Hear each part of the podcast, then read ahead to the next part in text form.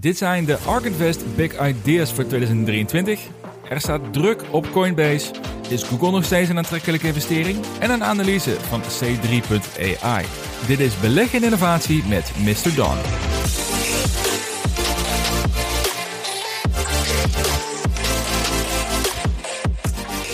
Een nieuwe aflevering die volledig gaat over beleggen in innovatieve groeiaandelen. Nou, wat staat er voor vandaag allemaal op de agenda?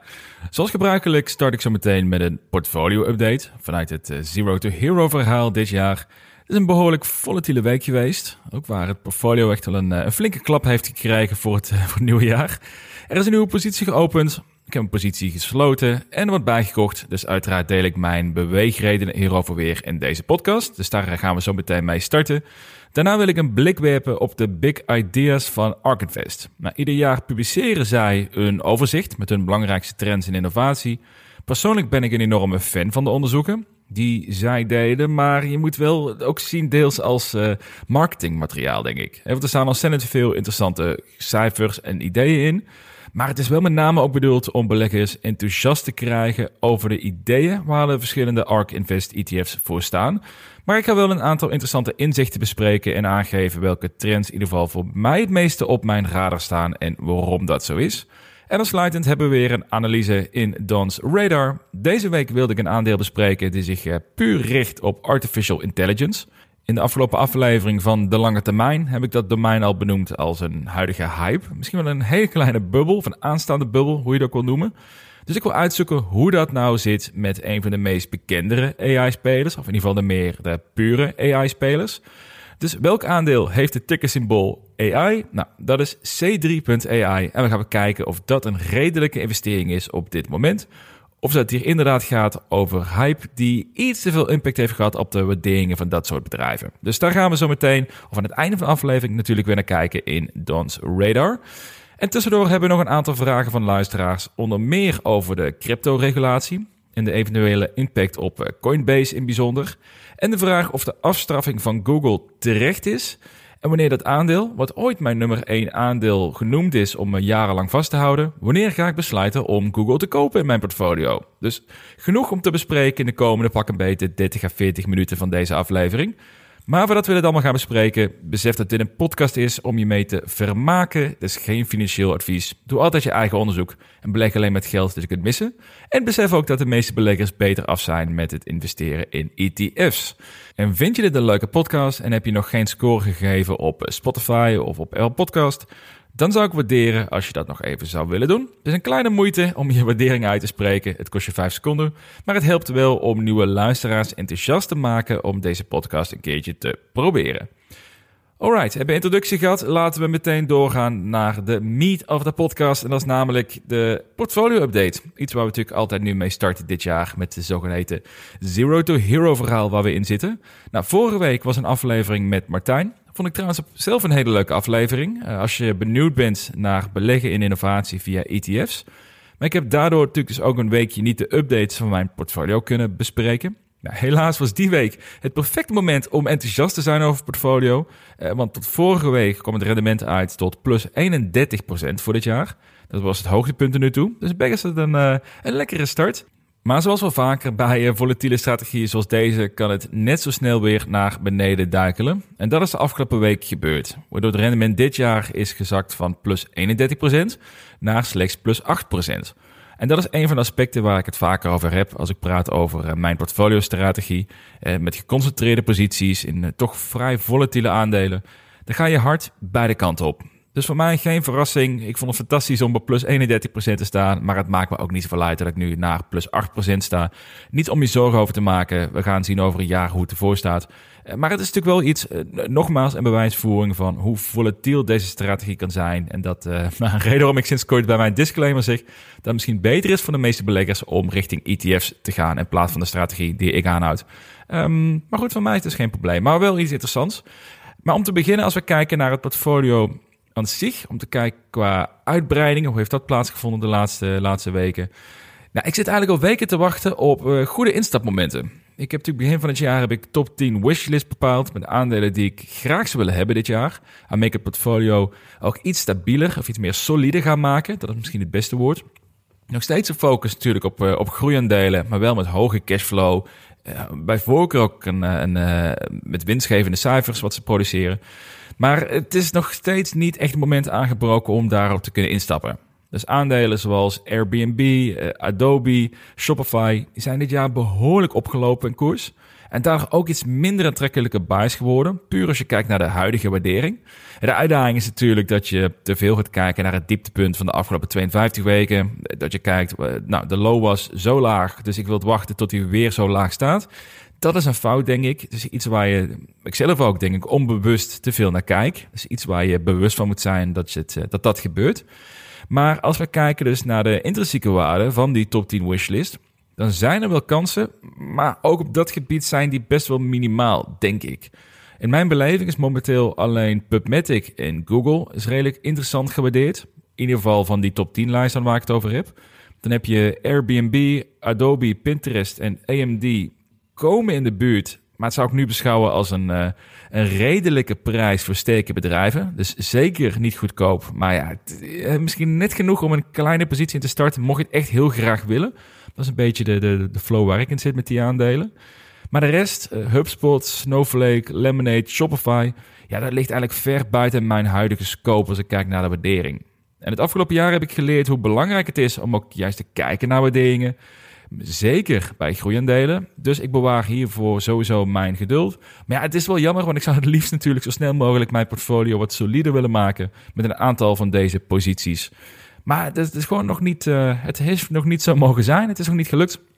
En ik ga gewoon rustig afwachten totdat die kans uiteindelijk wil gaat komen. Dat betekent niet dat ik niks gedaan heb in mijn portfolio. Ik heb de afgelopen twee weken heb ik uh, Cape Technologies toegevoegd. Hier heb ik een aantal afleveringen geleden al uitgebreid over gepraat. Wat mijn redenen zijn om Cape Technologies toe te voegen aan het portfolio. Ook gecombineerd met mijn toelichting over het due diligence proces. Dus in mijn ogen is Cape Technologies een aantrekkelijk en ook een sterk onderbelicht aandeel. Dat is ook een van de redenen, of de belangrijkste redenen, waarom ik die heb toegevoegd aan mijn portfolio met een, uh, een starterspositie. En die zal ik de komende maanden verder gaan uitbreiden. En er zijn er nog twee aandelen waar ik sowieso de posities gaandeweg mee uitbreiden ben. Dat zijn AST Space Mobile en Origin Materials. Daar heb ik ook afgelopen week eindelijk weer in kunnen bijkopen. Dat was ook de eerste keer in 2023 dat ik die positie heb uitgebreid. En dat zijn in mijn ogen best wel makkelijke buys geweest, omdat beide bedrijven sterk nieuws hebben gedeeld in de afgelopen weken. Zo heeft Origin hun eerste fabriek in orde gemaakt. En ze kunnen ze nu aan de slag om de schaalbaarheid van de technologie te testen. En ook de eerste lichte omzet die ze kunnen gaan maken vanuit die fabriek. En AST Space Mobile, nou, daar ben ik vooral op Twitter heel uh, vocaal over geweest de laatste weken. Die uh, lijken bijna iedere dag te komen met nieuwe partnerships en ontwikkelingen. Inmiddels hebben zij contracten met telefonieproviders die in totaal voor 2 miljard klanten vertegenwoordigen. En AST Space Mobile heeft een contract met hen dat providers straks de satelliet connectivity services mogen aanbieden van AST Space Mobile. En zij daar een 50-50 revenue split bij aanhouden. Dus dat is heel interessant. De sales wordt eigenlijk al gedaan door de providers, die dus al 2 eh, miljard klanten vertegenwoordigen. En AST Space Mobile krijgt daar 50% van de omzet voor. Dus dat is denk ik een hele heel aantrekkelijk model richting de toekomst. Natuurlijk is het allemaal geen zekerheid ze moeten nog steeds een technologie bewijzen. Dat is al maanden het geval en de reden waarom AST nog steeds eh, speculatief is. Positief is wel dat hun eerste satelliet hangt nu in de ruimte, wordt ook actief getest.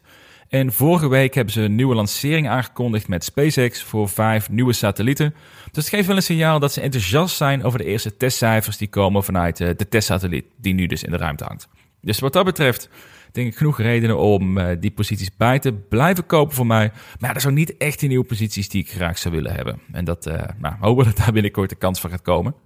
En naast nieuwe buys heb ik ook één aandeel moeten verkopen, of eigenlijk een ETF. Ik zat uh, korte tijd short in de ARK ETF met drie keer leverage. Dus dat is, dat is, iets waar je dus maar heel kort eigenlijk in je bezit wil houden, omdat dat uiteindelijk gewoon onderaan de streep behoorlijk in je behoorlijk kan kosten omdat het niet de meest uh, solide ETF's zijn om voor lange termijn aan te houden. Dus het was even op de hedge in de korte termijn.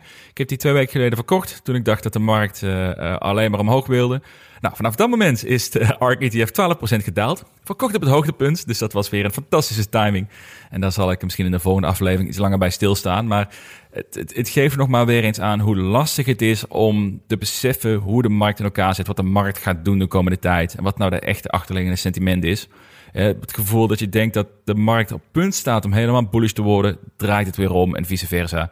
Uh, ik moet voor mezelf nog nagaan wat ik daarmee wil. Hè, in de zin dat ik misschien een proces wil aanleggen proces wil bepalen waarbij ik voor maar één keer per maand mag, mag uh, handelen, bijvoorbeeld. Dat zou iets kunnen zijn. Maar dat is iets waar ik nog even over wil nadenken en waar ik in de volgende aflevering op terugkom. Van hoe ga je nou om met waardeloze timings? Ben ik inmiddels een meesterspecialist in, dus dat, uh, nou, daar mag ook een oplossing voor gevonden worden. Want nu kan ik er nog wel mee lachen, kan er een dolletje maken. Maar ja, onderaan de streep zijn het wel gewoon continu eigenlijk fouten die je maakt die geld kosten. Dus daar uh, moet wel iets mee gaan gebeuren. Nou, naast de transacties, als we kijken naar waarom is het portfolio dan gedaald van plus 31% naar slechts plus 8% in de afgelopen week, kwam met name door dalingen van Desktop Metal, die 15% duikelde en dat is mijn grootste positie. En daarnaast hebben we een van de meest besproken aandelen van dit jaar tot dusver en dat is Coinbase. Ook geen fantastische week achter de rug. En dat is duidelijk een aandeel voor degenen die geloven in de toekomst van crypto en een sterke maag hebben als beleggers zijnde. Want die koers ging van 100 eh, dollar in augustus naar uiteindelijk een kleine 32 dollar in januari. Om in 2023 vanaf begin van het jaar als een raket weer door te schieten naar bijna 82 dollar. Nou, dat zijn eh, behoorlijke swings die je maakt. De tempo lijkt er voorlopig een beetje uit. Na een daling van 30% in de afgelopen week. Is nu inmiddels 57 dollar waard. Dus het, het gaat echt alle kanten op. En een deel van die daling, dat komt eh, logischerwijze afkoelen van een aandeel die gewoon gigantisch snel gestegen is in een korte tijd. Ook in een markt dat eh, langzaam gas terug aan het nemen is. Dus dat is allemaal prima te verklaren. Maar er speelt nog wel één dingetje met Coinbase. En daarover kregen we ook een vraag van Patrick. Hij vraagt mij even, hoe is nu jouw kijk op dit moment op Coinbase? Er is veel rumoer met de SEC. En wat vind je van de reactie van de CEO op alles wat er nu speelt? Nou, dat is een goede vraag van Patrick, want het is een, uh, sowieso natuurlijk een behoorlijk dynamisch landschap met crypto. Het is een industrie die enorm polariserend werkt. Je ziet een toekomst met crypto of je hebt er enorme hekel aan. Ik heb het er vaak over gehad in deze podcast. En dat lijkt breed bij de mensen zo te spelen en zo te leven. Maar dat trekt zich natuurlijk ook op die manier door naar de politiek. En daar blijft het een structureel potje touw trekken tussen het, het reguleren van cryptobedrijven. Maar hoe ver moet die regulering gaan? Met aan de ene kant diegenen die het belangrijk vinden dat we meegaan met de nieuwe technologie. Hè, dat in dit geval Amerika voorloper blijft met nieuwe technologie. En aan de andere kant heb je de mensen die het vooral eng vinden, die wat conservatiever zijn, die nieuwe technologie eerst willen laten testen, heel voorzichtig en daarmee vooral alle risico's zoveel mogelijk willen beperken. Nou, dat leidde de afgelopen week tot nieuws dat de SEC mogelijk het steken van crypto gaat verbieden, omdat zij dat beschouwen als een financieel instrument. Valt in de kern iets over te zeggen wel. Steken is dat jij jouw crypto ter beschikking stelt aan een platform of een netwerk. En daar een soort maandelijkse uitkering voor terugkrijgt. Een soort dividend eigenlijk. En dat is een belangrijk onderdeel van het cryptolandschap. En ook voor platforms zoals Coinbase. Een aanzienlijk deel van de omzet van Coinbase komt ook vanuit staking. Maar de vraag is nu, moet staking verboden worden? En wat zijn daar de gevolgen van? En de CEO van Coinbase die zei het wat mij betreft heel treffend. Die zei dat staking is een belangrijk onderdeel van de hele, het hele cryptolandschap. En los daarvan of je het ermee eens bent of niet, als staking verboden gaat worden in de Verenigde Staten, dan is niet het gevolg dat staking per definitie verdwijnt. Het gevolg is dat dan de grote exchanges, zoals de sterk gereguleerde Coinbase, die juist in Amerika gevestigd blijven vanwege het creëren van vertrouwen en transparantie, nou, die zullen dan hoogstwaarschijnlijk gedwongen worden om alsnog hun hoofdkantoor te moeten gaan verhuizen. En net zoals al die andere grote exchanges die niet in Amerika zitten, maar in de Bahama's, in de Maagdeilanden of de, de Cayman-eilanden. Enerzijds vast door belastingredenen, maar ook door het toenemende strenge beleid vanuit de Amerikaanse politiek. Oftewel, regulering is goed. Coinbase is daar ook een voorstander van. Spreekt zich ook vaak uit dat de, de scene meer gereguleerd mag worden, misschien wel moet worden. Maar het kan er niet voor zorgen dat die regulering zorgt dat het ecosysteem in elkaar klapt. Of dat het competitieve voordeel van de cryptobedrijven die in Amerika zitten, dat dat volledig gaat verdwijnen. En dat lijkt hier wel een beetje het geval te zijn, of in ieder geval het risico te zijn. En ik vermoed dat ze hier in de Amerikaanse politiek uiteindelijk ook wel gevoelig voor zullen gaan zijn. Dus ik denk niet dat staking verboden wordt. En zo wel, dan zullen we waarschijnlijk zien dat Coinbase hun hoofdkantoor ook uit Amerika zal gaan halen termijn. Waardoor er eigenlijk niet heel veel verandert als je kijkt naar het bedrijf zelf. Dus aan Patrick, ik maak mij hier nul zorgen over als je kijkt naar Coinbase als investering. Maar natuurlijk wel kun je er, uh, erop rekenen dat de koers misschien nog wel klappen kan gaan krijgen als die staking doorgezet gaat worden. Want het is toch iets waar Coinbase zich uh, deels afhankelijk van is. In ieder geval een belangrijk onderdeel is van een businessmodel. Maar ik moet wel zeggen, als het verder gaat dalen, als de koers daalt, wat mij betreft is dat een reden alleen maar om iets bij te gaan kopen. Ik heb al een volle positie in Coinbase in principe, maar onder de 35 dollar, daardoor krijgt het bedrijf slechts een enterprise value van rond de 1 miljard. Nou ja, daar ga ik er niet laten liggen en daar ga ik er gewoon van profiteren. Dus dat, uh, ik hou het scherp in de gaten wat er gaat gebeuren met Coinbase, maar meer vanuit kans dan vanuit angst, vanuit die optiek. Nou, dat zover uh, ontwikkelingen over portfolio en Coinbase in het bijzonder. Nou, het Zero to Hero verhaal heeft dus een uh, stapje terug moeten zitten. Maar hopelijk is dit een voorloper om straks weer twee stapjes vooruit te kunnen zetten. Dan wil ik een onderwerp bespreken die perfect past bij deze podcast. En dat zijn de innovatieve domeinen de komende jaren om in te investeren. Ieder jaar komt Ark Invest met een Big Ideas rapport.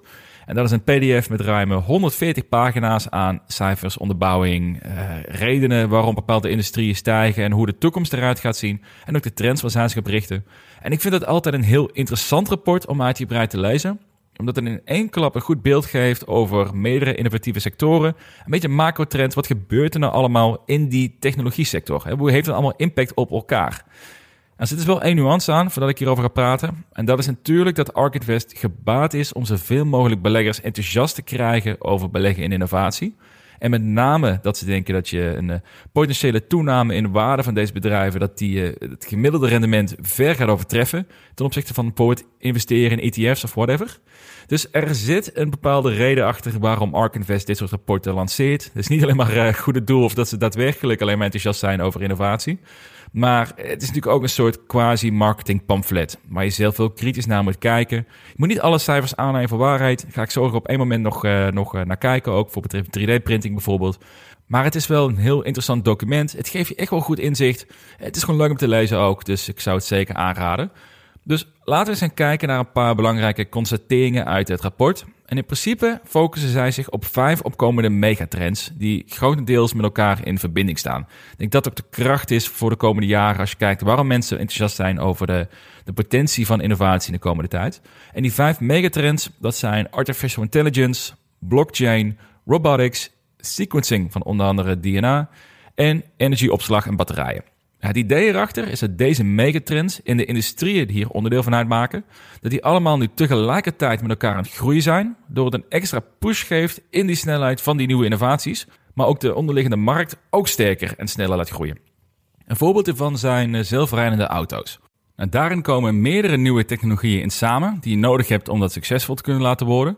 Dus je hebt artificial intelligence nodig, zodat de auto zelfstandig kan bepalen wat de juiste route is.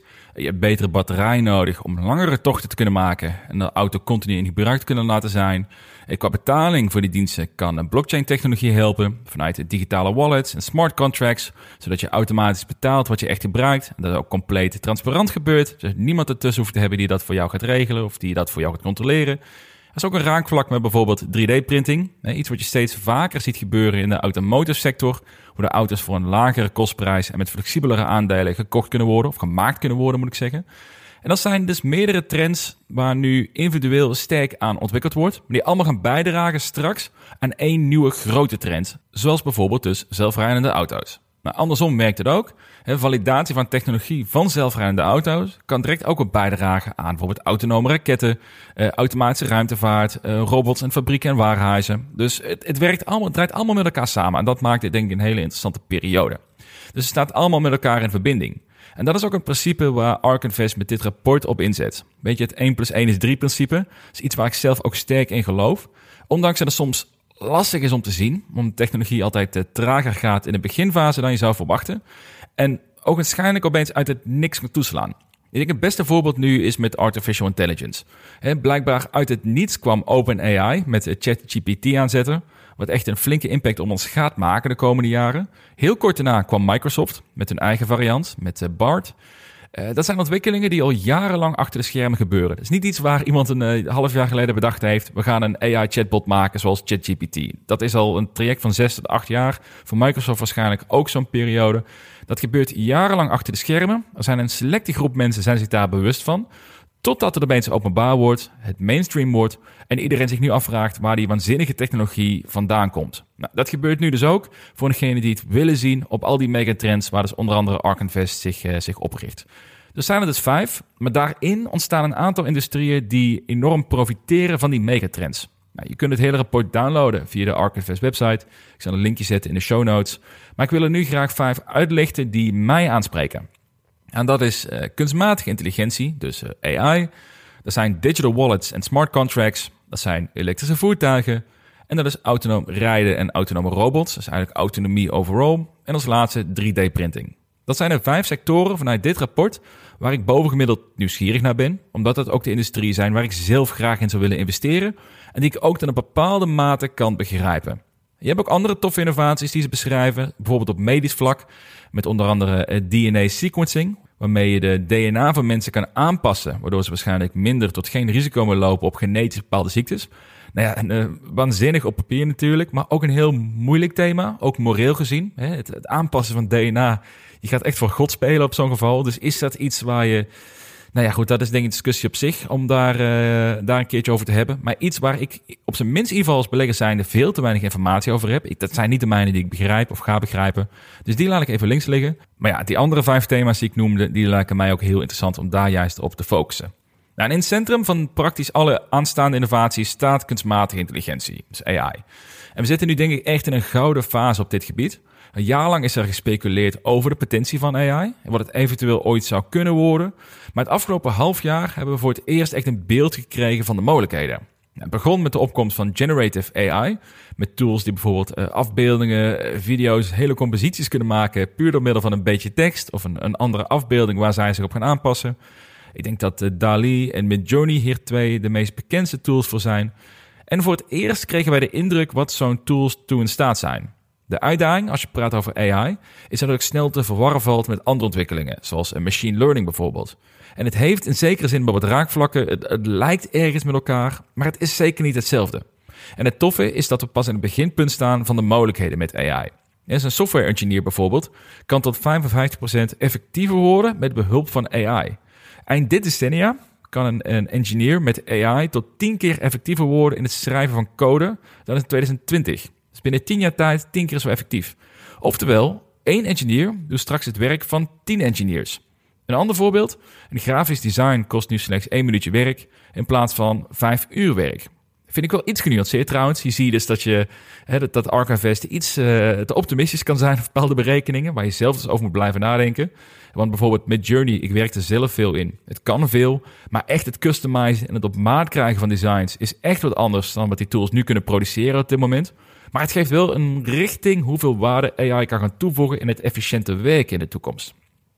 En ik denk dat de kern van het verhaal is dat AI in rap tempo sneller, goedkoper en ook vooral nuttiger wordt. En dit gaat gewoon impact maken op een enorm aantal sectoren. En het gaat ervoor zorgen dat innovaties zoals zelfrijdende auto's ook daadwerkelijk een werkelijkheid kunnen worden voor een fractie van de kosten die we nu verwachten. Een gemiddelde kenniswerknemer zal tot vier keer zo effectief kunnen zijn in 2030 dan wat het nu is.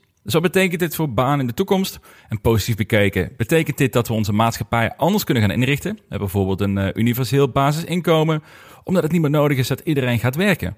Oftewel, het is een, een, interessante technologische ontwikkeling die impact op ons allen gaat hebben. En ik denk dat AI echt wel de grootste impact gaat hebben op, uh, op ons leven. In ieder geval als, als macro-trend. Het is wel iets, denk ik, wat nu enorm gehyped wordt. Of ik moet anders zeggen, niet is niet een hype. Ik moet zeggen dat mensen nu het gevoel krijgen van wat er allemaal mogelijk is met AI. Maar het is nog niet zo dat morgen alles klaar is. En ik denk dat mensen overschatten wat ze kunnen op de korte termijn, maar onderschatten wat ze kunnen op de lange termijn. En ik denk dat AI daar geen, uh, geen uitzondering in is. En dat dit ook daarin het, uh, het geval is op dit moment. Dus dat we misschien net zoals met andere technologieën weer uh, de komende jaar denken van, oh, nou, dit is een beetje beperkt gebleven tot de mooie afbeeldingen en, en een leuke chatbot. Maar daar wordt het weer wat rustiger. En misschien over twee, drie jaar zien we pas echt de impact van, uh, van AI. Ik denk dat dat de grootste ontwikkeling is. Ik denk van beleggersperspectief is dat iets om enthousiast over te worden, maar dus wel met een kritische bril. Ik denk dat AI-aandelen zijn gigantisch gestegen sinds enthousiasme hierover. Maar ik zei het al, het is een lang traject, moet nog veel bewezen worden. Het feit wel dat een aandeel zoals uh, Big Bear AI dit jaar al 260% is gestegen, zegt wel iets over het sentiment in de markt. En dit is een bedrijf met 40 miljoen dollar omzet. Het is slechts 1% eh, gegroeid in omzet in het afgelopen jaar. Het is stevig verliesgevend met schulden. heeft niet de balans om een verlies te kunnen dragen. Maar het is nu gewaardeerd voor vier keer de omzet. Nou, dat is geen rationele waardering. En straks zal ik vertellen of dat bij een van de bekendere AI-spelers op de beurs, C3.ai, ook het geval is. Maar dat is denk ik iets om je in ieder geval wat, uh, nou, niet zorgen over te maken, maar wel om heel kritisch te kijken of je wilt investeren op dit moment in pure AI-spelers.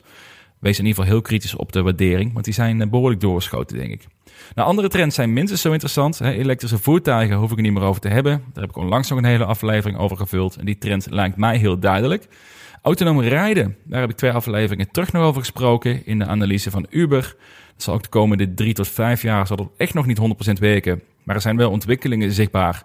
En dat gaat echt enorme impact hebben op onze manier van eh, transporteren en ook het bezitten van een auto.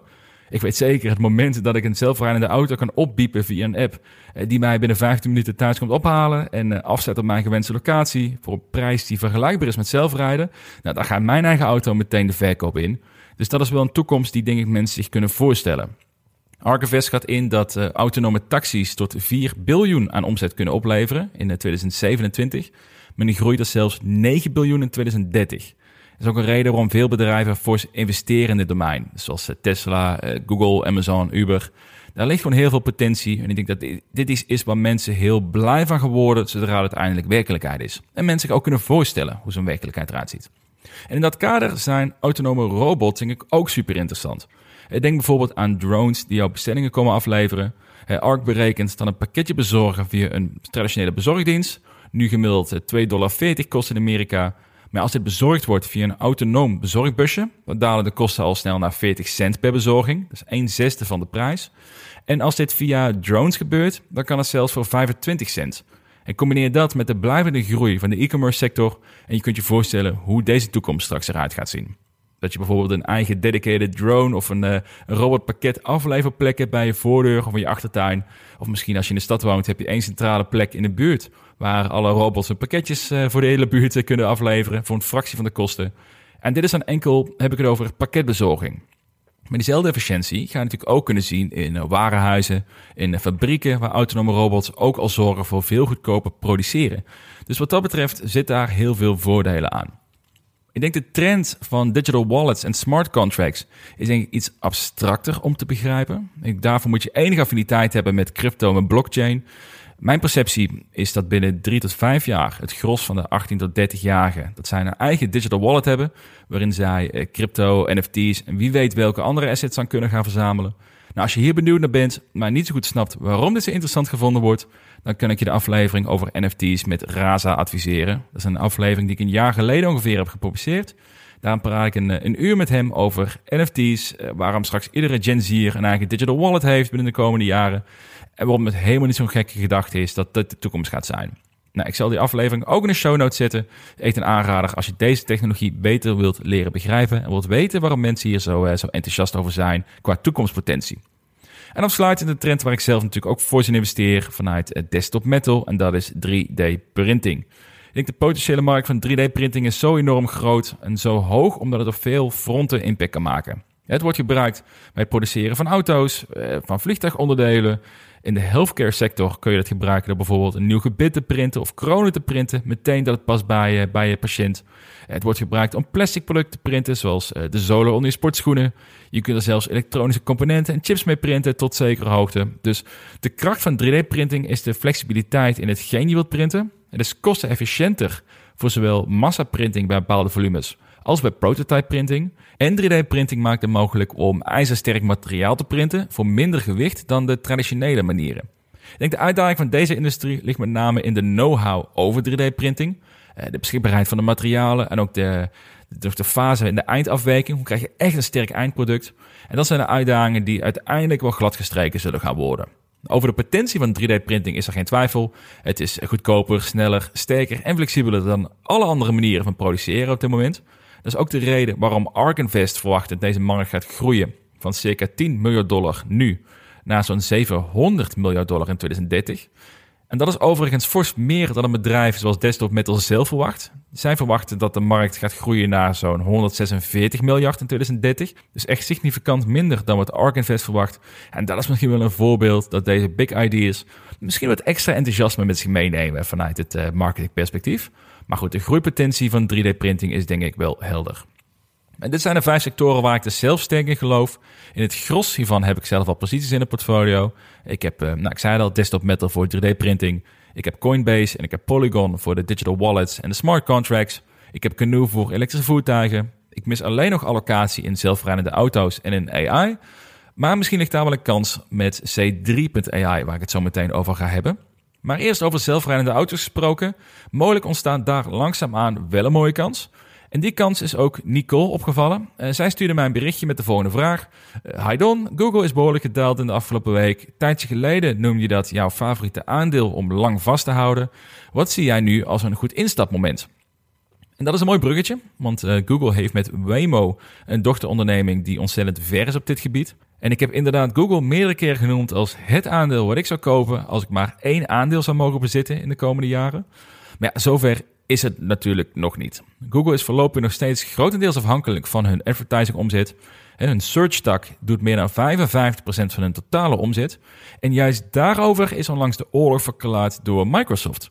Zij hebben de afgelopen week uitgesproken vanuit de CEO dat Microsoft agressief wil gaan concurreren tegen de zoekmachine-dominantie van Google. Met als eerste stap het integreren van OpenAI in hun Bing-zoekmachine. En als reactie liet Google hun eigen tech-demo zien eh, met hun eigen AI-software met, met uh, genaamd BART. Nog niet helemaal foolproof, want het, uh, de tech-demo liep een beetje uit op een kleine deceptie. Met als gevolg dat beleggers steeds meer gaan geloven in Microsoft als een challenger op dit domein. En als gevolg dat Google sinds deze demo afgelopen dinsdag met 12% in koers is gedaald. Nou, het is niet alleen het sentiment wat zorgt voor twijfels bij beleggers en waarom ze denken dat Google in de problemen kan gaan komen. Een van de redenen van de Google zoekmachine dominantie is dat zij een contract hebben met Apple. En waardoor zij de vaste zoekmachine zijn op al hun Apple-apparaten. En daar betaalt Google grof geld voor. Maar omdat Google de dominante speler is, hoeven ze niet bepaald hard te strijden om die positie binnen Apple te krijgen.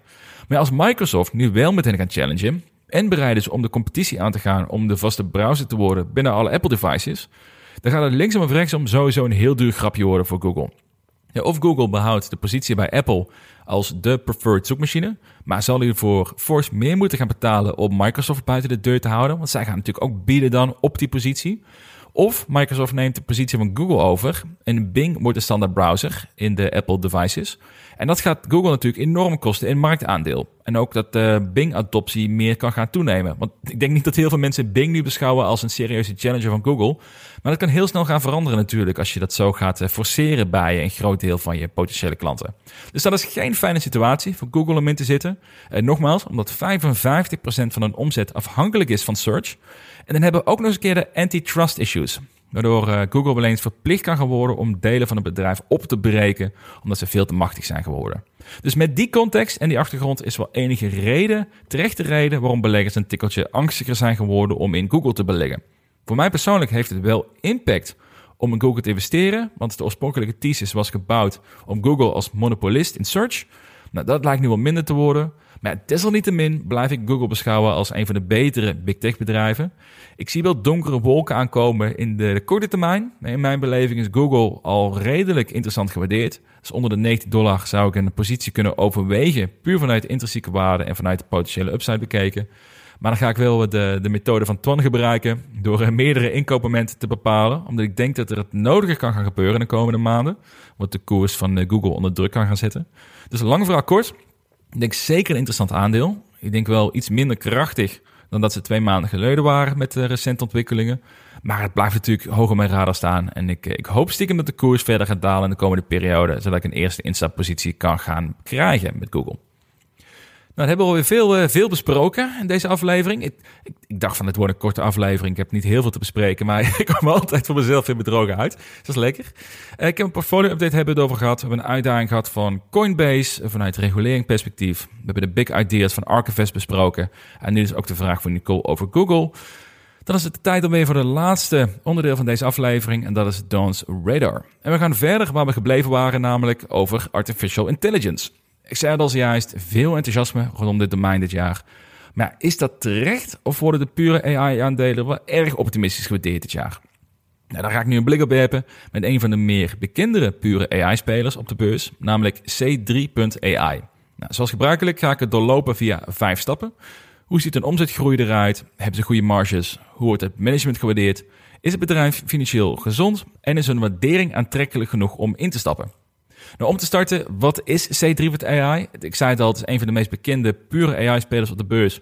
Maar ik denk dat de gemiddelde belegger echt totaal geen idee heeft wat ze doen. En dat kan ik mij heel goed voorstellen.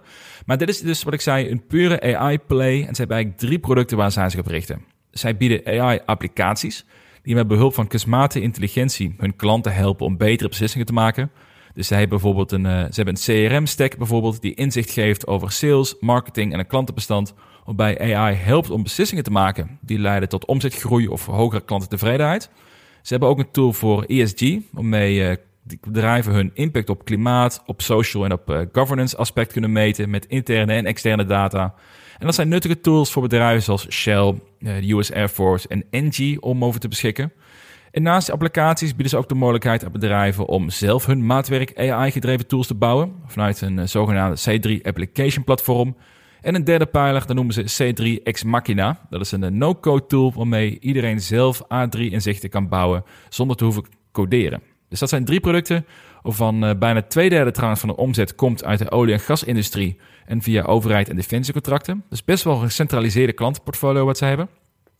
Maar als je kijkt naar wat doen ze nou, zij helpen bedrijven om door middel van AI nuttige inzichten te krijgen over hun business op uh, verschillende gebieden. Dat is wat ze doen. Eigenlijk een software as a service met AI. Nou, laten we de vijf stappen gaan doorlopen. Om te starten met de omzet. Nou, C3, ik zal het gewoon C3 blijven noemen, anders ga ik de term AI heel veel benoemen deze aflevering. C3 heeft afgelopen jaar, uh, verwachten zij, zo'n 265 tot 270 miljoen dollar omzet te maken. En dat is een groei van 7% year over year. Nou, niet bepaald heel bijzonder. Ik zou niet eens een groeiaandeel mogen noemen eigenlijk als je 7% groei doormaakt. En het is zelfs ergens wel teleurstellend als je kijkt naar de hype die er nu hangt rondom, uh, rondom AI. Maar het geeft, dat zou niet eerlijk zijn, maar het geeft wel een denk ik aan hoe vroeg we nog steeds zijn in de AI-revolutie. Want het is echt nog beginfase. Ik denk dat mensen dat vergeten. Maar uh, dat we heel enthousiast zijn, maar het heeft echt jaren nodig voordat dit echt tot een uh, serieus businessmodel kan gaan uitbouwen. En dat blijkt nu dus ook uit de groeicijfers van, van C3. Voor komende jaar verwacht C3 overigens wel een flinke groei te kunnen gaan maken. Met meer dan 30% groei naar 340 miljoen in 2023. En dat is wel ook wel een groeipercentage die je mag verwachten van dit bedrijf. Als je beseft dat de hele AI-industrie, en dit is belangrijk, de hele industrie groeit gemiddeld met 38% per jaar in de komende zeven jaar. En dit is denk ik een belangrijke of een interessante manier om omzetgroei ook te kunnen, eh, te kunnen waarderen, te kunnen vergelijken. De vraag is, groeit het bedrijf harder dan de algehele markt?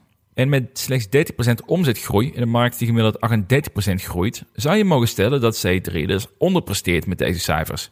Uiteindelijk, maar natuurlijk kunnen ze het goed maken in de komende 3 tot 5 jaar eh, als we een omzetgroei kunnen versnellen in die periode.